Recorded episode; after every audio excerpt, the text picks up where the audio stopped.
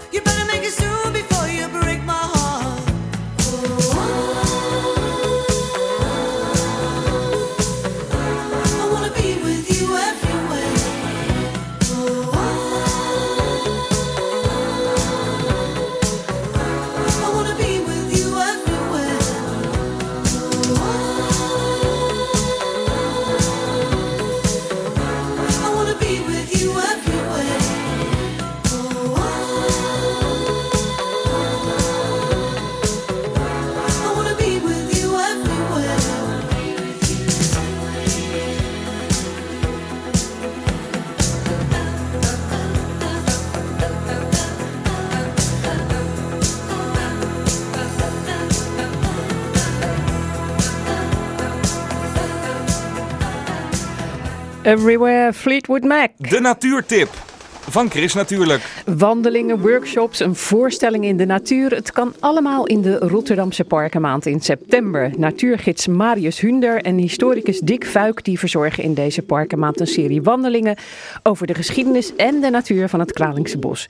Chris natuurlijk die krijgt een voorproefje van de wandeling die ze straks om 10 uur geven. Maar eerst is er al iets te merken van de naderende herfst in het bos. Er is zeker al iets te merken van de herfst. Als je recht vooruit kijkt, dan zie je het groot hoefblad daar in grote bruine bergen als het ware staan.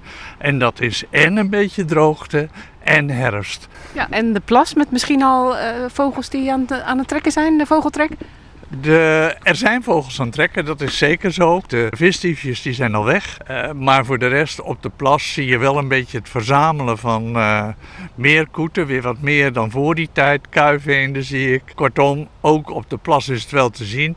Maar nou niet dat je zegt van... eh, nou, nou, het is al echt herfst. Eh, gelukkig maar kunnen we ook nog een beetje genieten van eh, de nazomer. Marius en Dick, jullie doen in de parkenmaand rondleidingen door het Kralingse Bos. En dan maken jullie tegelijkertijd reclame voor een tijdschrift dat eind dit jaar uitkomt. Wat is dat voor tijdschrift, Dick? Dat wordt een, eh, een tijdschrift van 16 pagina's, dus redelijk eh, klein zeg maar. Maar daarin komt een doorsnee van de hele geschiedenis van het gebied. Eigenlijk van voordat het bos werd aangelegd, hoe de plas is ontstaan, eh, hoe het eerste plan voor het bos er kwam, in 1911 eh, door de gemeenteraad aangenomen. En hoe het zich daarna heeft ontwikkeld, hoe het in de oorlog verliep, hoe, het, hoe de recreatie na de oorlog enorm is toegenomen. Eh, en we eindigen uiteindelijk bij een soort toekomstperspectief. Wat kunnen mensen over 10, 20 jaar van het bos verwachten? Dus het is een doorsnee van heel historisch naar eh, de blik op de toekomst. En dat komt allemaal in dat ene tijdschrift. Ja, en als je mee zou gaan met een van die vijf wandelingen, dan krijg je een stukje van die geschiedenis. Want eh, jij hebt, Marius, al een, een prachtig plaatje van de Bosweg eind 1800. 1800. Dit is de Bosweg waar we nu zijn. Ja, dit is wat eigenlijk de bosweg was. Dat was een normale doorgaande weg vanuit het oude Kralingen. Dat was de Veenweg. Eh, die kwam vanuit het oude Kralingen, wat, eh, waar nu nog de begraafplaats is. En liep dan over dit stuk naar de Veenweg en naar de Bospolder. Veel mensen weten dat het Kralingse bos is opgespoten met grond vanuit de Waalhaven eh, destijds. Maar er stonden allemaal boerderijen hier. En het arcadische beeld wat we daarbij gebruiken voor de mensen, echt even terug in de tijd. Hè, dat laat dus eh, bruggetjes zien die nog kunnen draaien. En wat zijn dat dan eh, boerinnen die daar in klederdracht staan? Dat zijn, de bewoners van eh, de, de straten rondom de Kralingse Plas inderdaad. Boeren, arbeiders, mensen die in de buurt werkten, in de polder of bij kleine bedrijfjes aan de plas. dat is wat je hier had. Het was echt een boerengemeenschap hier. En de Kralingse Plas, die was er ook al. Ja, de Kralingse Plas is een eh, turfafgravingsplas. Dus eh, geen natuurlijke plas, maar ontstaan doordat in de 17e en in de 18e eeuw in deze kontrijen heel veel veengrond werd afgegraven, werd te drogen werd gelegd. En dan kreeg je turf, hè, wat in die de grootste brandstof was die beschikbaar was. Daardoor heb je ook enorme plassengebieden gekregen. Denk aan de Loostrechtse en Vinkenveense plassen. Nou, zo'n soort gebied was hier ook. En je hebt zo'n 15, 16 plassen gehad tussen hier en Gouda. En eigenlijk is de Kralingse Plas eh, als een van de weinigen overgebleven. Chris, als je hier nog even kijkt, dan kun je dat dus heel mooi zien. Hier heb je de Kralingse Plas op de, op de kaart. Dat is een kaart uit 1860. Hier Hillegersberg, maar daar Nieuwerkerk. Dus van Nieuwerkerk tot en met de Rotte, tot en met de Bergse Voor- en Achterplas, was één watervlakte. En daar lag het oude Kralingen in. En inmiddels is het dus al een hele tijd weer Kralingse Bos en Kralingse, Kralingse Plas. En dat gaat allemaal over het feit dat de mensen vanuit Rotterdam en omstreken kunnen genieten van dit, nou ja, mag je rustig wel zeggen, iconische bos. Want het is werkelijk een prestatie dat ze in die tijden eh, bedacht hebben dat het er zou zijn, maar het ook gerealiseerd hebben. Moeizaam proces, nou dat vertellen we onderweg tijdens de excursies, vertellen we dat ook. En daarnaast besteden we aandacht aan de natuur die we nu zien. Vroeger, toen jij hier als kind kwam, eh, Dick, zag het er heel anders uit dan bijvoorbeeld nu. Ja, dat was eind jaren 60. Ik ben van 1959, dus zeg maar zo tweede helft jaren 60 kwam ik hier met mijn opa of met mijn ouders eh, in het bos wandelen. Ja, en dat was veel meer een parkachtig aanzien dan, eh, dan het bos van tegenwoordig. Het ziet er nu eigenlijk veel natuurlijker uit. Met alle boomstammen die blijven liggen en weer een functie krijgen in het bos. Toen werd alles keurig opgeruimd en gemaaid. En nou ja, je kent dat wel. Dit is dus voor de aanleg van de poelen. En waarom hebben we poelen aangelegd? Om hier ook amfibieën goed te accommoderen. Die waren er eigenlijk wel. Het was altijd een beetje nat.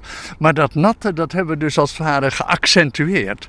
Nou, en wat zie je nu hier? Hè? Geen eh, groene grasvlakte.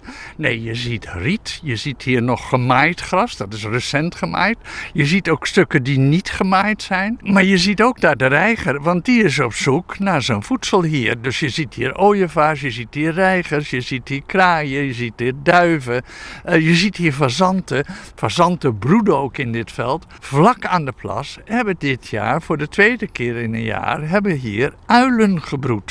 En dan staan we dus op een plek waar de meeste mensen langskomen. Nou, dat zegt iets over hoe dit bos is ingericht. Als je uilen hebt, als je, ehm, als je een broedende boomvalk, hè, want die zat hier ook in de buurt, zal niet precies zeggen waar, maar die heeft dit jaar gebroed hier. Maar geen eekhoorn meer, Dick. Nee, nee, dat is wel heel jammer. Uh, ik heb ook die nog meegemaakt. Uh, eigenlijk een vrij grote kolonie zelfs nog. Uh, als er geen honden in de buurt waren, dan kon je ze echt heel dichtbij eh, krijgen. Op het bankje ook naast je. als je maar die pinda's bij je had, dan kwam het goed. En ja, daarna ben ik een tijd door studie veel in Utrecht geweest. kwam niet veel meer in het bos. En op een gegeven moment kwam ik hier weer. En ja, je kwam ze eigenlijk niet meer tegen. Maar dan ook geen enkele meer tegen. Het schijnt dat in 1991 nog een dode eekhoorn de Beatrixlaan is uh, gevonden. En die ligt nu opgezet in het Natuurhistorisch Museum. Nou ja, dat is uh, mogelijk de laatste van die kolonie uh, die ik nog op mijn knie had, zeg maar. de eekhoorns, op een kleine interruptie een paar jaar geleden na, zijn er geen eekhoorns meer gespot in het bos. En wat hebben we daarvoor in de plaats gekregen, 2021? Wij hebben op dit moment een hele rijke schakering van vogels. Ook uh, zoogdieren, ook landdieren, alleen die zie je veel minder. En ook het waterleven in de poelen is bijzonder rijk met salamanders, uh, met uh, diverse soorten kikkers. En die hebben het ook ontzettend naar hun zin hier. En dat komt omdat we de vernatting, wat ook natuurlijk met klimaatelementen te maken heeft. En daar moeten we met de ontwikkeling van het bos, moet de gemeente en houden de werkers in het bos, houden daar ook ernstig rekening mee. Nou, we zijn nu op een plek gekomen uh, waarbij uh, je denkt, kan hier ooit een molen gestaan hebben? Ja, hier kan een molen gestaan hebben. Ja, en dat weet uh, Dick dan? Dat klopt, dat was uh, Wipwatermolen de Meerkoet. Dat was een van de tien molens die uh, rond de Kralingse Plas hebben gestaan. We kennen nu nog de Ster en de Lelie. Al die andere molens die zijn uh, verdwenen. Uh, en dat komt eigenlijk omdat in 1911 nam de gemeenteraad dat besluit aan hè, om uh, het bos hier rond de plas aan te leggen. Nou ja, al die bebouwing langs de kade en de wegen langs de plas moest dus verdwijnen. En uh, een aantal molens is afgebroken. Ster en de Lelie zijn gelukkig blijven bestaan. Er zijn ook nog een paar molens blijven staan aanvankelijk tot in de jaren 30. En daaronder was molen de Meerkoet, want die zou een rol krijgen in het Kralingse bos als een theepaviljoen. Uh, Kralingers uh, uit de buurt waren nogal uh, ge, ja, gehecht aan de molen. Het was een heel typerend molentje. Maar in de jaren 30 is de molen helaas afgebrand. En de Meerkoet is dus permanent verdwenen totdat een paar jaar geleden er restanten werden ontdekt hier in het bos. En dan bleek dat het fundament van de molen nog steeds midden in een bosperceel ligt. Ben je er klaar voor? Want ja. dan, gaan we, dan gaan we nu het bos in.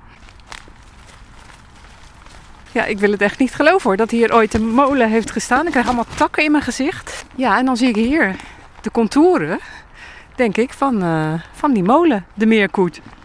Dat klopt. Uh, we staan hier bij een fundament dat een uh, aantal jaren geleden werd teruggevonden. Eerst door een persoon die hier in het bos was uh, gaan graven. Dat werd gezien door een boswachter. Vervolgens kwam de archeologische dienst erbij. En die heeft het uh, uitgegraven tot wat we hier nu zien. De omtrekken van uh, de stenen ondergrond van de molen. Oorspronkelijk was het een, een klein houten molentje. Maar voor, juist in verband met het ophogen van het terrein voor de aanleg van het bos moest die worden opgevijzeld. En vervolgens is er een stenen onderbouw ondergekomen. En um, ja, dat zie je ook op de kaart of op de foto die Marius nu laat zien. Maar uh, we vinden hier eigenlijk de restanten die zijn achtergebleven na de brand. Het is toch wel een gek idee hè? dat je dan nu in het bos staat en dat dat hier dus vroeger de polder was met een uh, watermolen. Klopt. Als je hier uh, 120 jaar geleden had gestaan op dezezelfde plek, dan had je hier overal uh, ja, weilanden om je heen gezien. Uh, misschien hier en daar een koe. of... Oh, wacht. Ja. Want je vindt uh, ook nog iets. Dat nog niet ja, alles, uh... gewoon rondlopend hier, kijkend naar uh, losliggende stenen. Daar ligt ook ineens een oude goudse pijpenkop. En ja, dat kun je dus in deze gebieden aantreffen, vlak naast de molen. Hier is gegraven, maar toch nog steeds een pijpenkop. En wie weet wat je vandaag vindt als je meegaat op de wandeling met Marius en Dick door het Kralingse Bos. De wandeling begint straks om 10 uur, kost 5 euro. En dat is met een voucher voor het nog te verschijnen tijdschrift over de geschiedenis van het Kralingse Bos. Op rotterdamseparken.nl vind je meer informatie over deze en andere activiteiten.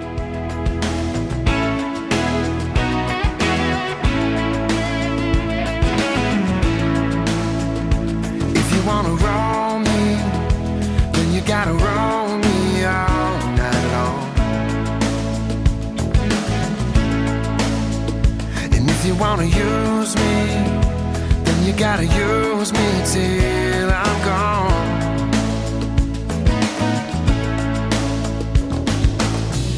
I'm not a fallen angel, I just fell behind.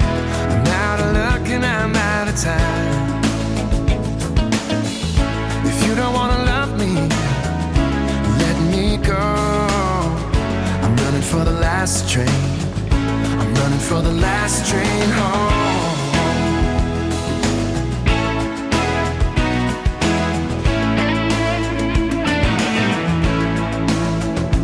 If you wanna know me, then you gotta know me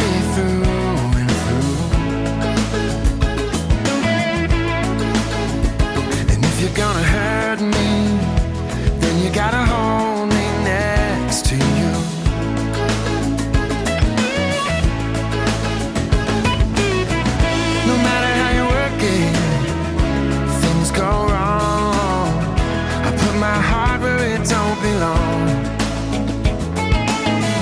So if you're coming with me, let me know. Maybe you're the last train. Maybe you're the last train home. I'm on the last train running.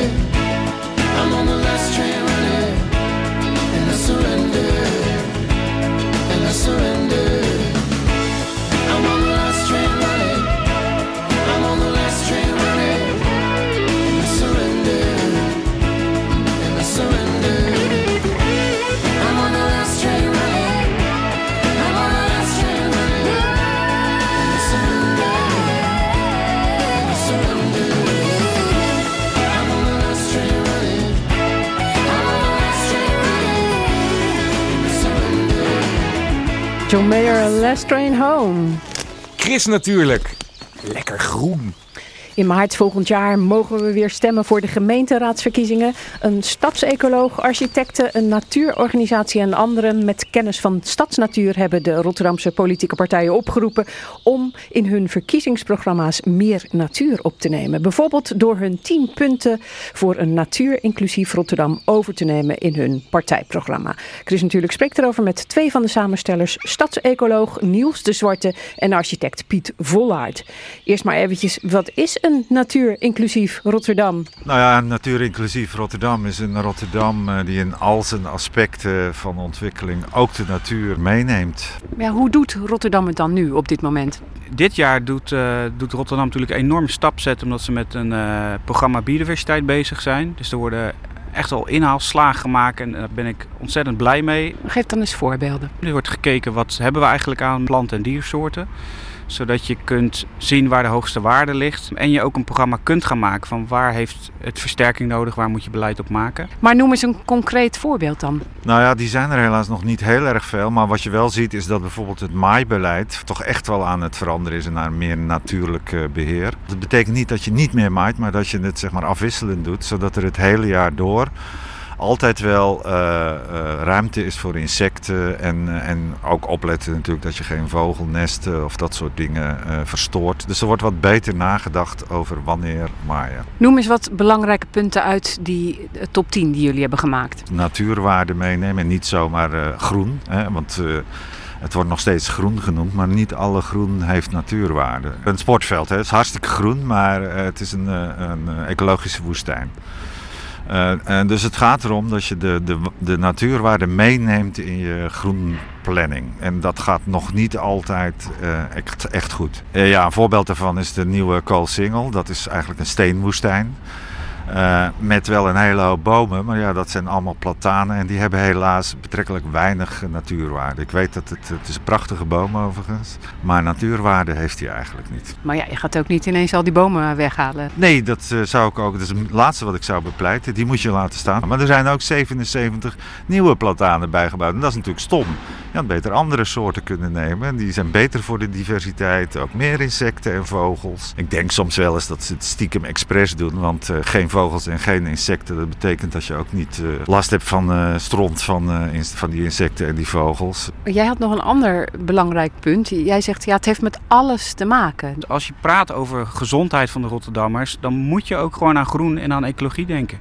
Als je nadenkt over of je genoeg eh, beweegt of kinderen genoeg speelmogelijkheden hebben, dan moet je dat groen gewoon betrekken. Dus het, het staat niet los van elkaar. Je kan het overal in verweven en dat noem je in het Engels ook wel nature-based solutions. De natuur kan jou oplossingen geven voor bepaalde problemen die je wil oplossen. Je kunt een kinderspeelplaats maken zoals we gewend zijn, met wipkippen of de moderne variant daarvan.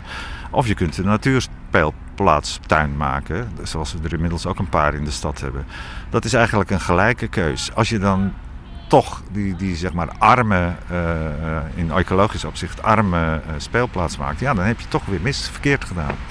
We hebben het de hele tijd over groen, maar het gaat ook over blauw. Als je het dan over blauw over water hebt in de stad, dan kun je daar ook weer op twee manieren mee omgaan. Je kunt het zien als een, eh, een methode om zo snel mogelijk het water de stad uit te krijgen. Dat is in sommige opzichten klimaattechnisch misschien wel handig, maar natuurwaarde geef je er dan niet aan. Veel beter is om het vast te houden. En zodanig vast te houden dat het ook eh, natuurwaarde kan hebben. En een ander voorbeeld. Ik vind het onbegrijpelijk dat de koolsingel van gevel tot gevel volgetegeld is. Dat wordt echt een klimaattechnische ramp recht voor de deur van, eh, van het stadhuis. Daar kun je straks, als we zo'n zomer als vorig jaar hebben, kun je daar gewoon absoluut niet meer lopen. Dan kunnen, moeten ze door de achterdeur het, eh, het stadhuis uitvluchten. Hoe kan je dat nou doen? Wij zijn nu in het museumpark. Wat vinden jullie daarvan, ecologisch gezien? Nou, laten we één stapje terugnemen. Als ecoloog vind ik niet dat je overal in de stad hardcore ecologie moet hebben. Een, eh, een stadspark zoals het museumpark, ja, dat heeft gewoon aangeplante borders. Daar zijn we helemaal niet eh, tegen natuurlijk. Dus eh, heeft het ecologische waarde? Absoluut. Ehm, zeker op de plekken waar het wat rustiger is of waar wat meer natuurlijke beplanting is. En er zijn ook delen, ja, die zijn gewoon niet bedoeld voor ecologie. Dat is echt primair recreatie, ook prima. Maar bij al dat soort dingen denk ik, het kan ook samengaan. Je kunt gewoon zoeken naar waar zijn de opties om het wel natuurlijk te doen. Dat is ook een van onze punten dat we zeggen van neem dieren als volwaardig onderdeel mee in je planvorming. Dus als je het van tevoren meeneemt kun je bijvoorbeeld kleine kansen denk ik heel makkelijk pakken door een stukje natuurvriendelijke oever. Of door een bepaalde eh, heester te kiezen, een bepaalde struikvorm, eh, waar ook vogels in kunnen broeden. Ik liep net toevallig langs de theepot, dus het eh, depotgebouw. En daar is wel een variëteit aan bomen aangeplant la- eh, langs de rand. Dus zo kan het ook. Het kost echt niks meer. Je moet er alleen over nadenken. Ja, behalve dan dat die vogels misschien weer er tegenaan die vliegen. te ja, die vliegen zich misschien te pletter op de gevel. Dat is dan weer een andere kwestie, dat is waar. Eh, wij, wij zijn nu in het museumpark. Eh, laten we eens oversteken eh, naar het eh, volgende park. Dat is het, het grote park bij de Euromast. En dan is er ook nog een heel klein leuk parkje. Dat is eh, Tuin Schoonoord.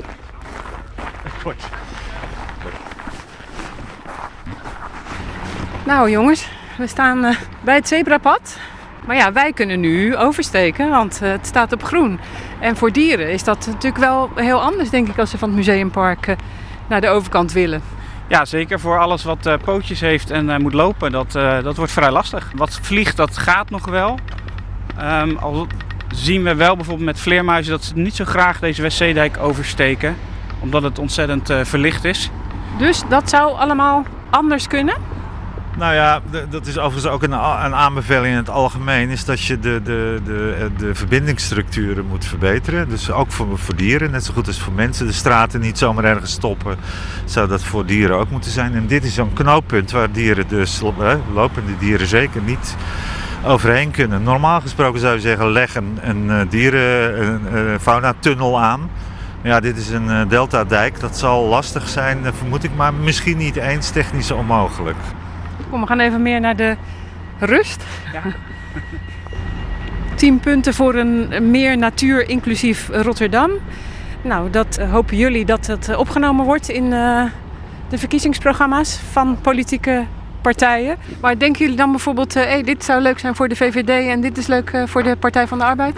Eh, nee, je hoeft niet een bepaalde kleur te hebben om daar iets aan te doen. Die natuur is echt goed voor alle mensen. En bovendien, planten en dieren doen niet aan politiek, hè? Nee. En dan wordt hier wel eh, lekker gemaaid. Ja. Want ja, Niet dit ook is het hele- park bij de Euromast. En, en daar mag het dus wel weer. Daar kun je dus wel goed maaien. Nou ja, hier, eh, die maaier is, is gewoon alles. Dit is een keurig eh, gemaaid gezonnetje. En ja, dit is dus zo'n typisch gebruikspark. Het is het meest geliefde, het meest gebruikte park van Rotterdam, geloof ik. Dus ja, hier is dat niet zo gek. Ook in eh, recreatieparken wil je wel iets aan eh, eh, insectenrijkdom hebben. Maar dan kan hier toch hier aan de zijkant zie je allemaal brandnetels staan en zo. En, en eh, bloemetjes. Ja, dat is die zonering. En je ziet ook eh, dat, dat we dat hard nodig hebben als je bijvoorbeeld kijkt naar eikenprocessierups. Je wil gewoon sluipwespjes en je wil ehm, de roofdieren hebben die die processierups een beetje kunnen verminderen. Historische tuin Schoonoord. Kijk eens wat een, wat een oase, denk ik, voor biologen. Klopt, in, de, in, in deze zomer hebben hier eh, sperwers gebroed en jongen grootgebracht. En je zit dus vlakbij een superdruk park eh, Euromast. En aan een goede, goede taxus die eh, wat dieper hier het park in staat, heeft zo'n roofvogel genoeg die echt wat rust nodig heeft. Dus dat geeft al aan, het mag echt, het kan in de stad en het mag ook vlak bij elkaar liggen. Als je maar een kleine zone maakt waarbij biodiversiteit iets meer eh, de boventoon voert. En wat bedoelen jullie eh, bijvoorbeeld met, eh, ja, dieren zijn ook volwaardige stadsbewoners. Nou ja, dat zijn ze toch. eh, ja, zonder nu di- direct in de natuurfilosofie te belanden. Maar mensen hebben heel lang gedacht dat ze zeg maar, naast de natuur stonden. Of zelfs tegenover de natuur. Als een soort vijand waartegen je beschermd moet worden. En de laatste tijd is het meer omgekeerd. Dan zijn wij de beschermer van de natuur geworden. In alle twee de gevallen is dat eigenlijk niet de goede houding. We zijn onderdeel van de natuur. We zijn onlosmakelijk verstrengeld met natuurlijke processen. Daarom moet ook die stadsontwikkeling daar op die manier naar kijken. Het is geen extraatje wat je toevoegt. Nee, het is onderdeel ervan. Je kunt niet zonder. Goed voorbeeld is eh, als je het Kralingse Bos wil gaan verlichten voor hardlopers, s'avonds laat eh, in het donker. Dat je ook nadenkt, ja, maar hier wonen ook uilen, hier wonen ook vleermuizen. Ehm, hier zijn heel veel andere gebruikers die er ook last van kunnen hebben. Voorbeeld van deze zomer, er zijn op wat meer overlastgevende plekken van die mosquito's gehangen. Dat zijn eh, apparaatjes op pleintjes waar veel jongeren komen die een enorm hard ultrasoongeluid maken. Maar die verstoren ook eh, vleermuizen. Dus ik had al nagevraagd, heeft er iemand over nagedacht? En het antwoord was nee. En dat bedoelen we met neem dieren nou gewoon mee in beslissing. Dat je even nadenkt, even een stadsecoloog erbij betrekken. En je kan je beslissing nog iets beter maken, denk ik. We gaan het volgen en kijken welke aanbevelingen voor de natuur er in de Rotterdamse verkiezingsprogramma's terechtkomen. Chris Natuurlijk. De weekendbijlage. Wat staat er in de weekendkranten over groen en natuur? Je hoort het in het overzicht dat ik vandaag samenlees met Bas van Halderen. Bas, goedemorgen. Hey Chris, goedemorgen. Jij gaat beginnen.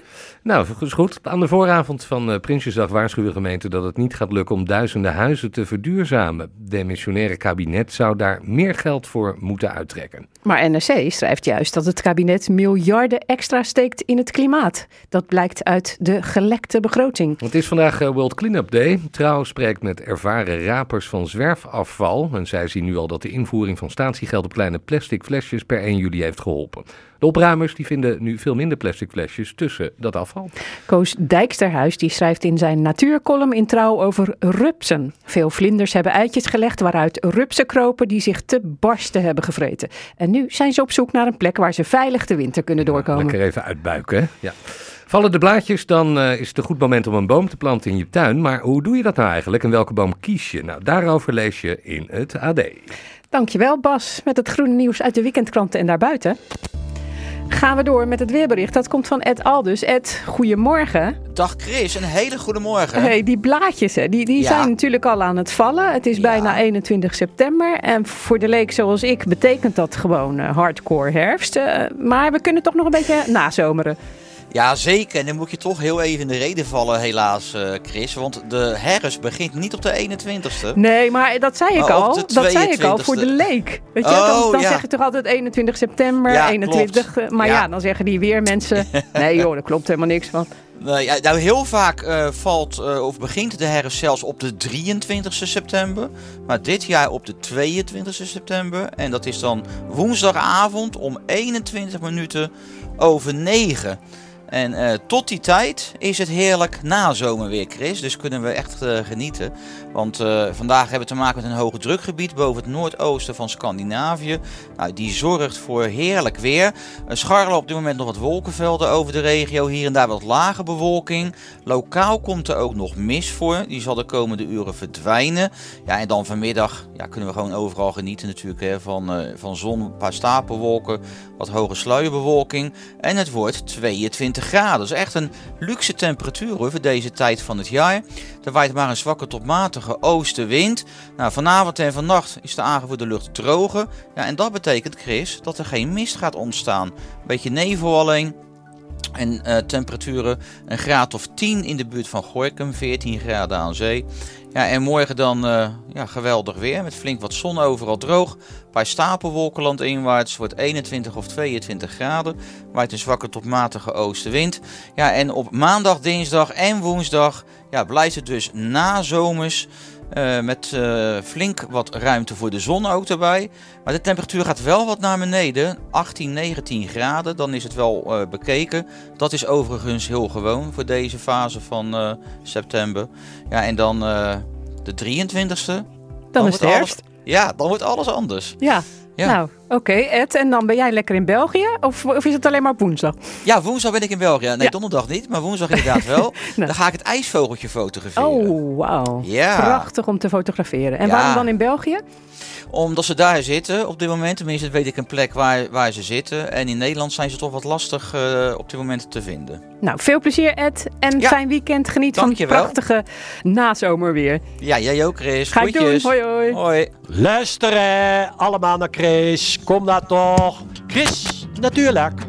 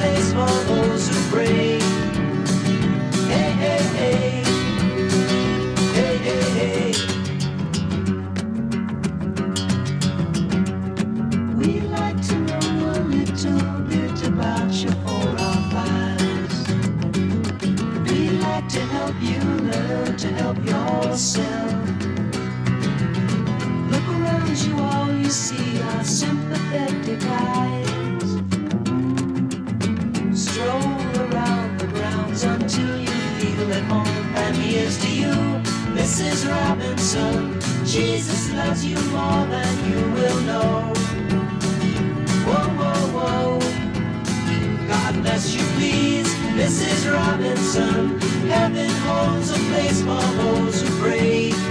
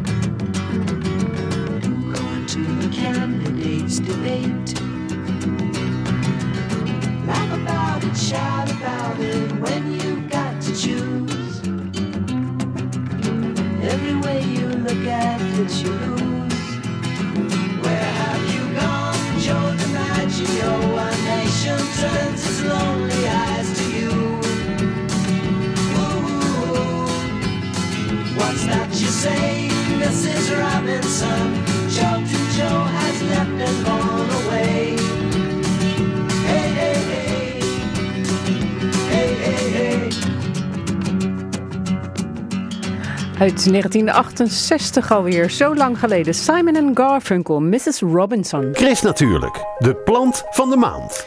Melita van Bracht, botanicus bij de Botanische Tuin Afrikaanderwijk in Rotterdam-Zuid, die heeft bij iedere plant wel een verhaal.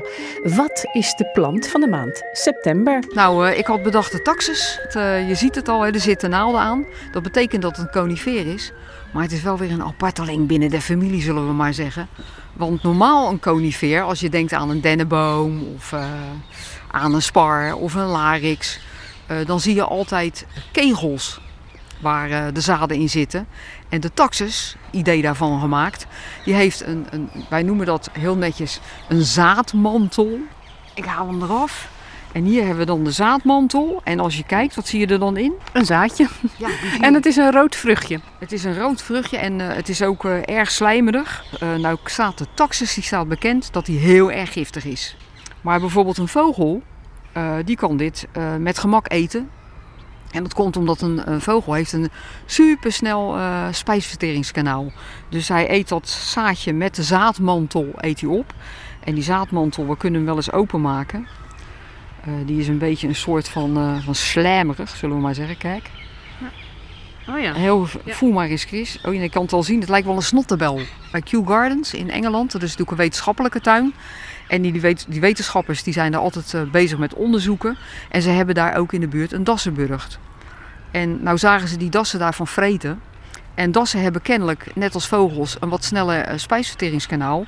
Want de zaadjes liggen, er, liggen ernaast. En eh, het velletje eromheen dat is helemaal verdwenen. Ook die slijmerige troep. En die taxus die heeft dat natuurlijk niet voor niks verzonnen dit. Eh, want hij wil toch wel verspreid worden, zullen we maar zeggen. En als je verspreid wil worden, moet je altijd een tactiek vinden. En als je giftig bent en iedereen gaat maar dood, ja, dan kom je niet ver, zullen we maar zeggen. Maar eh, wanneer die beesten gaan lopen of vliegen, want er zit een drolletje omheen of een lekker kwakje van, van de vogels, en dat, daar kan die heel goed op groeien, want het is natuurlijk eigenlijk mest. Het gebeurt wel eens dat, dat dieren, maar dat zijn meestal dieren die eh, gedomesticeerd zijn, hè, zeggen we dat dan met een, eh, met een net woord. Dus die bij ons door mensen gefokt zijn en die hebben daar totaal geen, eh, geen weet van. En die vreten aan alles wat ze maar tegenkomen, omdat ze ons eigenlijk ons vertrouwen. Van ze worden altijd in een omgeving gezet waar alles veilig is voor die dieren. In de natuur is dat natuurlijk een heel ander verhaal. Als je dat zou eten, dat is hartstikke bitter. Dus die bittere smaak, nou, dat wil je echt niet. Weet je wat? Dus, en ik denk ook dieren niet. Weet je, die spugen dat gelijk weer, eh, die spugen dat gelijk weer uit. Eigenlijk is dat een soort waarschuwing van vreet me niet op. Want die taxus wil niet alleen verspreid worden, hij wil ook niet opgevroten worden. Eh, want taxus, dat komt natuurlijk ergens vandaan. En eh, de Romeinen hebben dat overgenomen van de, van de Grieken. Toxisch, dat is giftig. En in het Nederlands noemen we hem venijnboom. En dat is natuurlijk niet voor niks. Want we hadden het over dat giftige en die bittere smaak. Eh, er was een boek van eh Agatha Christie. Volgens mij heet hij Een handvol roggen. En eh, daar wordt dus iemand vermoord door, door middel van de taxus. Daar hadden ze in de Engelse vreten natuurlijk als geen ander marme- marmalade. Die smaakt erg bitter, want die, bitter, want die wordt gemaakt van eh Sevilla sinaasappelschil. En dat is een, een, een, ja, die is extra bitter, zeg maar. Dat bittere smaakje. Daar konden ze dat mooi mee verbloemen. Dus die ging Cassie Weilen even snel. Maar het wordt ook gebruikt in de geneeskunde. In de geneeskunde wordt het zeker gebruikt. Al dat zeg maar, snoeisel eh, dat wordt eh, verzameld. En dan als jij gaat snoeien, dan moet je zorgen dat je het heel schoon doet. Hè? Want er mag geen takje, helemaal niks. Er mag voor de rest niks tussen zitten. En dat kan je dan eh, doneren. Wordt verwerkt door taxol. En dat taxol, dat zit in heel veel chemotherapieën. Dat kwam eigenlijk uit een andere taxus die in Noord-Amerika groeit. Daar hadden ze het uit de bast eh, gehaald. En hele wouden zijn daarvoor omgekapt. Dus het is wel heel fijn dat we nu met snoeisel, hè, want anders dan eh, is er weer een soort eh, met uitsterven bedreigd. Hij, hij zou dan tot op zekere hoogte ons eh, nou ja, een lange leven gunnen, zullen we maar zeggen, die boom. Maar ja, het is natuurlijk niet de bedoeling dat wij dan de bomen tot, met uitsterven bedreigen, zullen we maar zeggen. Want ik hoorde dat hij ook heel oud kan worden, een taxusboom. Dat klopt. Als het goed is, staat er nog eentje in, in Beels. Bij een graf, van die- zo'n zo'n grafzerk. En ze zeggen, maar ja, die Engelsen zeggen wel meer. Ze zeggen dat hij ongeveer 5000 jaar oud is. En ze groeien dan wel langzaam. Maar je ziet het hier, hè, want hier groeide die heel ver over. En de tuinman is hier een beetje aan het knippen geweest. Maar kijk eens Chris, hij loopt helemaal weer vanaf de bast uit. Dus zo'n, als je een taxus hebt en hij wordt te groot, dat je denkt van haal hem eruit, joh, dat hoeft helemaal niet. Je zit even een, een, een seizoen tegen een kaal ding aan te kijken, maar daarna loopt hij gewoon weer uit en maakt hij weer nieuwe tak. En trouwens, bij eh, je collega's in eh Trompenburg eh, tuinen, daar staat ook een taxus van uit 1870, had ik gelezen. Nou, het zou zomaar kunnen. Kijk, want ik, ik kom wel eens op Trompenburg, maar die heb ik nog niet gezien. Volgende keer ga ik opletten. Ja, maar deze is niet zo oud. Deze is niet zo oud. Nee, ik denk dat deze een jaar of, wat zal die zijn? Nou, een jaar of 25, zoiets. Meer niet. Ja. En je ziet het ook vaak als, eh, gewoon als heggetjes, toch? Ja, je kan ze inderdaad eh, overal kopen. En als je, want wij halen hier nu net een, een, een, een, een besje vanaf. Maar eh, het is wel belangrijk als je dat wil, hè, dat je als struik wil en je wil bessen ervan, ervan hebben, zodat de vogels nog wat hebben. Dan is het wel belangrijk, want het is een tweehuizige plant. Dat je twee, eh, twee verschillende, dus je een mannetje en een vrouwtje hebt. En hoe herken je dat dan? Kun je zien wanneer het een man en een vrouw is? Het is natuurlijk handiger als je dat gewoon aan de kweker vraagt. Van joh, ik moet een man en een vrouw hebben. Is het ook echt een plant die van oorsprong hier voorkomt? Ja, het is een inheemse plant. Dat is ook weer goed, want eh, nou ja, alles wat hier gewoon van nature hoort, ja, dat is gewoon beter eigenlijk. Hè? Want dan eh, weet je zeker van zo'n plant doet het. Hij kan trouwens wel eens last hebben van, eh van taxuskever. En daar word je niet vrolijk van, want die, eh, ja, die vreet echt eh, alles op. Dus als je die ziet, dan eh, zou ik zeggen van onder je klomp dat beest en gauw weg ermee. Melita van Bracht was dat over de taxus bijvoorbeeld te zien in de botanische tuin Afrikaanderwijk in Rotterdam, maar ook op heel veel andere plekken.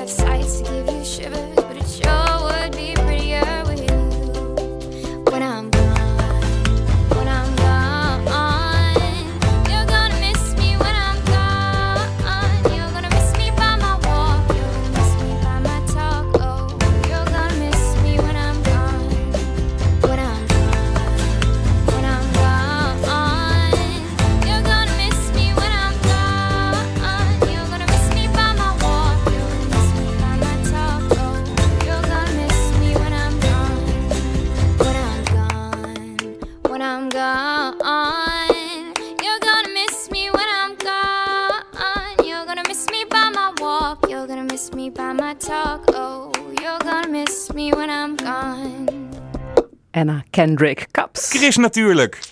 Lekker lezen. Een geschiedenisboek, een schelmenroman, een misdaadroman en een boek over de liefde van Arthur Japin voor honden. Dat zijn de vier boeken die Gert-Jan van Rietschoten van Boekhandel van Rietschoten in Rotterdam-IJsselmonde vandaag bespreekt. Dus laten we gauw beginnen. Gert-Jan, goedemorgen. Goedemorgen. Eh, welk boek heeft je leven veranderd? Dat, dat vraag ik niet eh, aan jou, maar eh, dat was een vraag ooit eh, aan AD-columnist Eus. En eh, dat was Ik lach om niet te huilen van Lex Kroon. Nou, die, die zie je me ineens overal. Ja, dat is ontploft. Ja, dat is wel heel gek hoe zoiets kan lopen dan. Eus heeft die vraag natuurlijk veel vaker gekregen.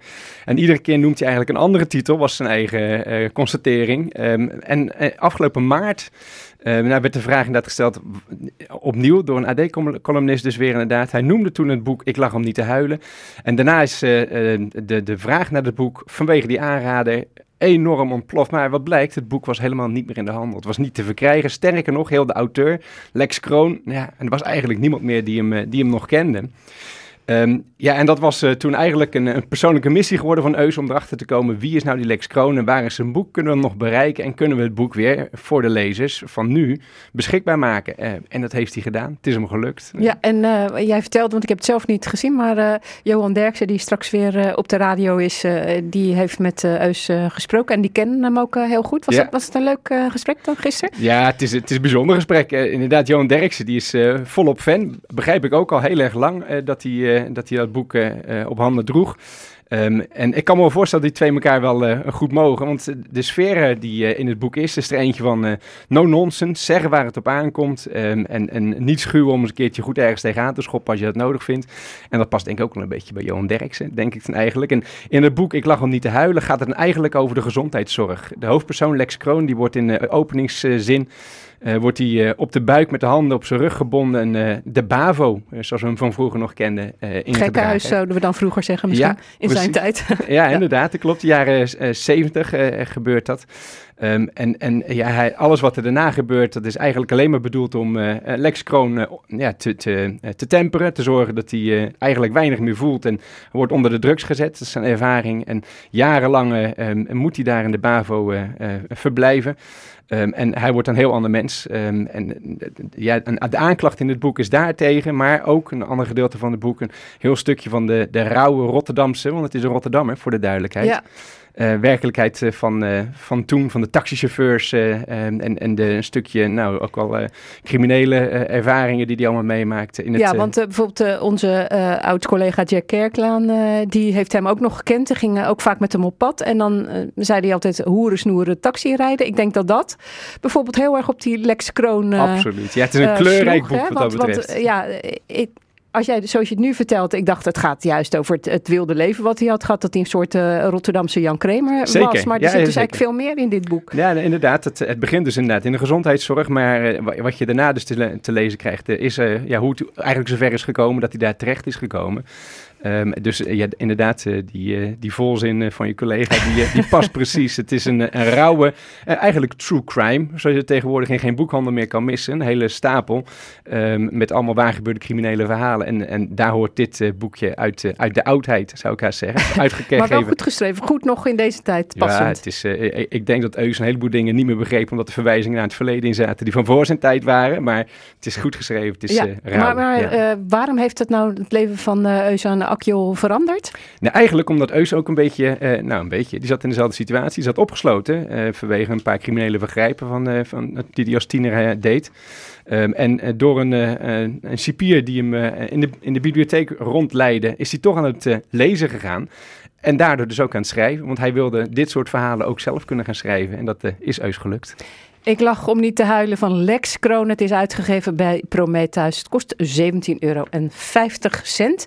Net uit is eh, in het Nederland is eh, Harlem Shuffle van Colson Whitehead. En jij was ontzettend benieuwd naar dit boek, omdat je hem een hele goede schrijver vindt. Wie was het? Wie is het? Ja, Colson Whitehead, die, die moet je wat mij betreft vooral kennen van het boek De Ondergrondse Spoorweg. Eh, daar heeft hij de, de, Pulitzerprijs voor, voor gewonnen, Whitehead. Eh, en dat is een boek wat eh, hele serieuze onderwerpen aansnijdt, namelijk de eh, slavernij in het verleden daarvan in Amerika. Ehm, en eh, ja, dat onderwerp dat, eh, dat gaat hem natuurlijk eh, als Afro-Amerikaan erg aan het hart, Colson Whitehead. Hij dacht na dit zware onderwerp in de ondergrondse spoorweg, wat hij besprook in eh, 2017 al, dacht hij het is nou tijd voor wat luchtigers. Nou, daar kwam eventjes niks van. Er kwam nog een ander boek eventjes tussendoor voor hem, maar eindelijk is het dan toch zover. Hij heeft nu dus uitgegeven, vandaag of van de week beschikbaar gekomen in Nederland, maar tegelijkertijd ook in Amerika, Harlem Shuffle. Ehm, en eh, ja, de, de, de setting is eh, wel weer natuurlijk eh, typisch voor betreft eh, Whitehead. De Afro-Amerikaanse ehm, eh, eh, mensen, wereld in Harlem. Ja, maar het speelt zich af in de jaren 60 toen Harlem eh, er niet schoongeveegd eh, was door Nee. de burgemeester. Hè? Toen- Nee. Dus was het soms ook nog wel een heftige plek om te zijn. Nou, klopt. En, maar dat gebeurt op een luchtige manier. Want die, eh, deze roman is echt wel een roman waar je eh, nou ook vermakelijk eh, eh, in kan lezen. Waar je bezig wordt gehouden op een ontspannen manier. Maar in inderdaad wel tegen die achtergrond die jij net beschrijft. Dus bijvoorbeeld inderdaad ook naar de James Powell demonstraties. De 15-jarige Afro-Amerikaan die in 1964 werd doodgeschoten door de politie. dat is de achtergrond van, van, van het boek ook wel een beetje. En ook natuurlijk, de, de, de hoofdpersoon is, een, is ook een gekleurde Amerikaan. Die ontmoet ook een, een boel racisme in, in zijn eigen leven. maar hij staat rechtop en hij recht zijn rug en hij neemt zijn eigen lot in handen door ja, de criminaliteit in te gaan. En ja, dat is natuurlijk niet zoals zij moeten, maar het geeft wel hele leuke uh, juwelen, roofachtige uh, ja, verhalen, jongensverhalen, die, die zeker vermaken. Harlem Shuffle van Colson Whitehead. Het is een uitgave van Atlas. Contact kost in de winkel 22,99 euro. Ja, welk boek heeft je leven veranderd? Dat was een vraag vandaag. Maar aan Arthur Chapin, Chapin kun je vragen: welke hond heeft je leven veranderd? Hè? Die is echt gek op honden en het heeft hem ook echt wat gedaan. Ja, Vertel. Ja, ja, dat is bijzonder. Uh, Arthur Chapin kennen we natuurlijk van de mooie romans: Zwarte met het witte hart of Schitterend gebrek. Maar wat hij dus ook kan doen, is een, een, een, ja, een, een mooi, dun ode eigenlijk uh, schrijven aan zijn uh, drie honden die in zijn leven heel belangrijk waren. Uh, en, en daar kwam hij eigenlijk toe omdat hij in coronatijd zelf een nieuw puppy heeft gekocht. Basso, dat is dus een van de beesten die zijn leven hebben bepaald. Maar Basso is nog heel erg jong, dus daar is nog niet zo heel veel over te zeggen, denk ik. Hoewel het een, een, een beest zal zijn wat zijn handen vol geeft. Maar de, de, eerste honden in het leven, die waren er al toen Arthur um, jong was, heel klein was. Um, en uh, ja, Kelly, dat is zijn eerste hondje. En daar heeft hij uh, een boel van geleerd, maar vooral ook een heleboel liefde van gekregen. Hij was zelf, Arthur, erg alleen. Hij werd gepest op school en hij was een buitenbeentje, had een moeilijke jeugd.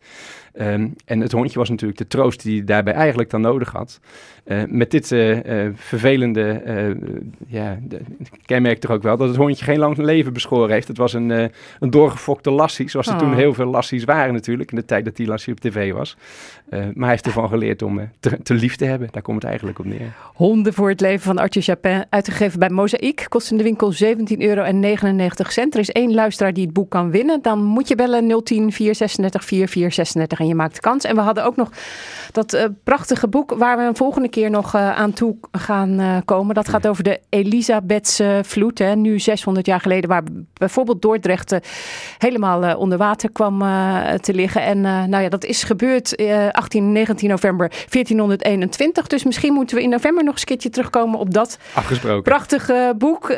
Gert-Jan, dankjewel. Leuk dat ik je weer een keertje in het echt zag. Dan, we hebben natuurlijk heel veel telefonisch gedaan, maar het was weer heel leuk. En nu ga je weer terug naar de boekhandel. Zeker. Dit was Chris Natuurlijk, een programma van Chris Vemer, Bas van Halderen, Danielle Koren en Roeland Kuppers. Die werkte mee. Morgen Chris Natuurlijk op zondag. Volgende week zaterdag gaat het in Chris Natuurlijk over oude bomen. En straks drie uur lang een oude boom. Johan Derksen met voor volwassenen. Fijn weekend.